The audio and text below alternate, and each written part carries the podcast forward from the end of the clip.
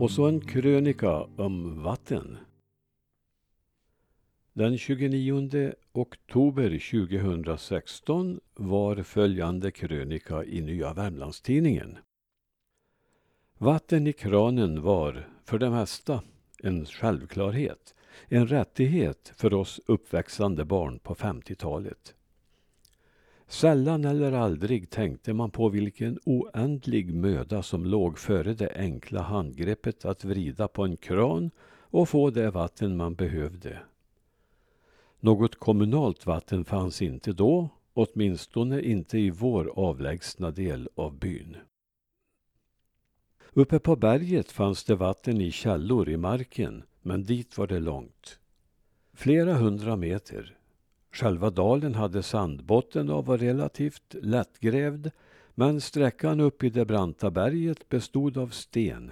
Stor sten och ännu större sten. Pappa och grannen Valfrid på åsen hittade i mitten av 1940-talet en vattenåder uppe i bergssidan. De beslöt att gräva en vattenledning hela den långa vägen nerför det stenfyllda berget till byn. Därifrån vidare genom mer lättgrävd sand. Lättgrävd men livsfarlig på grund av rasrisken. Och all grävning skedde naturligtvis för hand. Huvudledningen var 366 meter. Sedan hade Valfrid 50 meter rakt fram till sitt hus och min far 151 meter norrut till sitt. Farmors syster Siri blev också med söderut 181 meter från huvudledningen. Så började ett grävarbete av imponerande omfattning. Det utfördes efter långa arbetsdagar med slitsam timmerhuggning, sedan på helger och semesterdagar.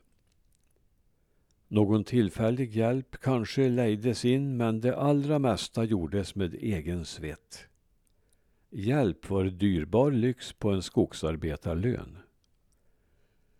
Det är svårt att förstå hur de kunde gräva en källa och vidare gräva ner rören på frostfritt djup i det branta och steniga berget. Till detta krävdes enligt min fars noteringar 60 dagsverken. Därpå återstod att gräva ett mer än två meter djupt dike i sand fram till husen. För pappa höll det på att sluta olyckligt. Där han stod och grävde rasade plötsligt ena sandväggen och han höll på att bli helt begravd. Som väl var kom undsättning och han lyckades ta sig upp. Förutom det tunga arbetet kostade detta projekt min far mer än 1200 kronor. En stor summa på 1940-talet.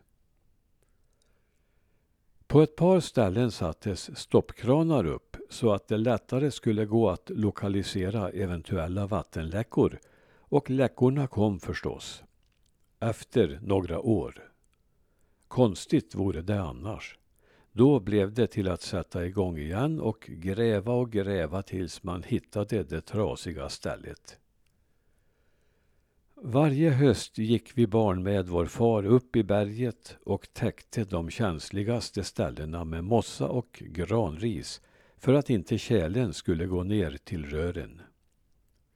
Det fanns ett särskilt utsatt ställe där som ledningen gick under en bäck.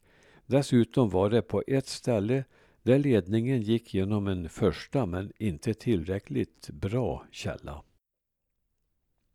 Trots detta hände det några vintrar att tjälen gick så djupt att ledningarna frös. Då blev det arbetsamt att sköta huset och särskilt köket för mamma. Jag minns en vinter då jag var liten och vi blev utan vatten hos oss och detsamma hände hos Göte och Sonja i stugan intill. Då gick mamma och Sonja upp i bergssidan med stora baljor och med oss ungar i kjolarna och högg loss isstycken som skulle smältas till tvättvatten. Hur de gjorde med dricksvatten minns jag inte, men det fick vi nog ta hos farfar tills ledningarna hade tinat upp. Det gällde att vara sparsam med vattnet även under torra somrar. Mamma berättade att hon första tiden i nya stugan, innan vattenledningen var klar, fick smyga till farmor och farfar med vattenhinkarna sedan det blivit mörkt. De hade nämligen gemensam källa med ett par andra familjer och vattnet var något, kanske det enda, som kunde orsaka trätor i byn. En torrsommar bar pappa och farfar flera hinkar vatten de 500 metrarna från älven för att vattna farmors köksväxter och detta gav upphov till spekulationer bland grannarna. De såg att trädgårdslandet var vattnat och kom med syrliga antydningar om detta tills de fick veta hur det egentligen låg till. I Ragnar Nilssons samlingar från Nordiska museet läser jag att det inte var likadant på alla ställen. Kanske var där bättre tillgång till vatten. Från 1800-talets dagar i Ovansjöbygden berättas så här. Om det sina i brunnen för en så fick han gå till en grannes brunn och ta vatten. Det var inte nekt. När jag sitter och skriver detta kan jag kasta en blick ut genom fönstret och se stället där källan låg uppe på berget. Nu växer där småskog, men på den tiden var där stora och grova granar. Jag riktigt tycker mig se karlarna som går där och anstränger sina kroppar till det yttersta för att vi ska få vatten i kranen. Idag tar vi vatten ur det kommunala ledningsnätet och ringer ett nummer om det någon sällsynt gång skulle bli något fel. Pappas och Valfrids vatten var bra, men det hände att det var något brunfärgat ibland. Orsaken var att det var järnhaltigt, som någon sa, men inte var det någon som blev dålig av det. När jag tänker tillbaka känns det lite sorgset att pappas vatten inte var helt felfritt. Det skulle jag verkligen ha unnat honom efter allt hans slit. Jag hoppas innerligt att jag inte klagade över det så att han hörde. Jag hoppas att jag visade något av den tacksamhet jag borde ha visat för förmånen att varje dag ha vatten ända in i köket. Jag hoppas att jag inte klagade över att en dag om året behöva bli med upp i berget och täcka källan med granris och mossa.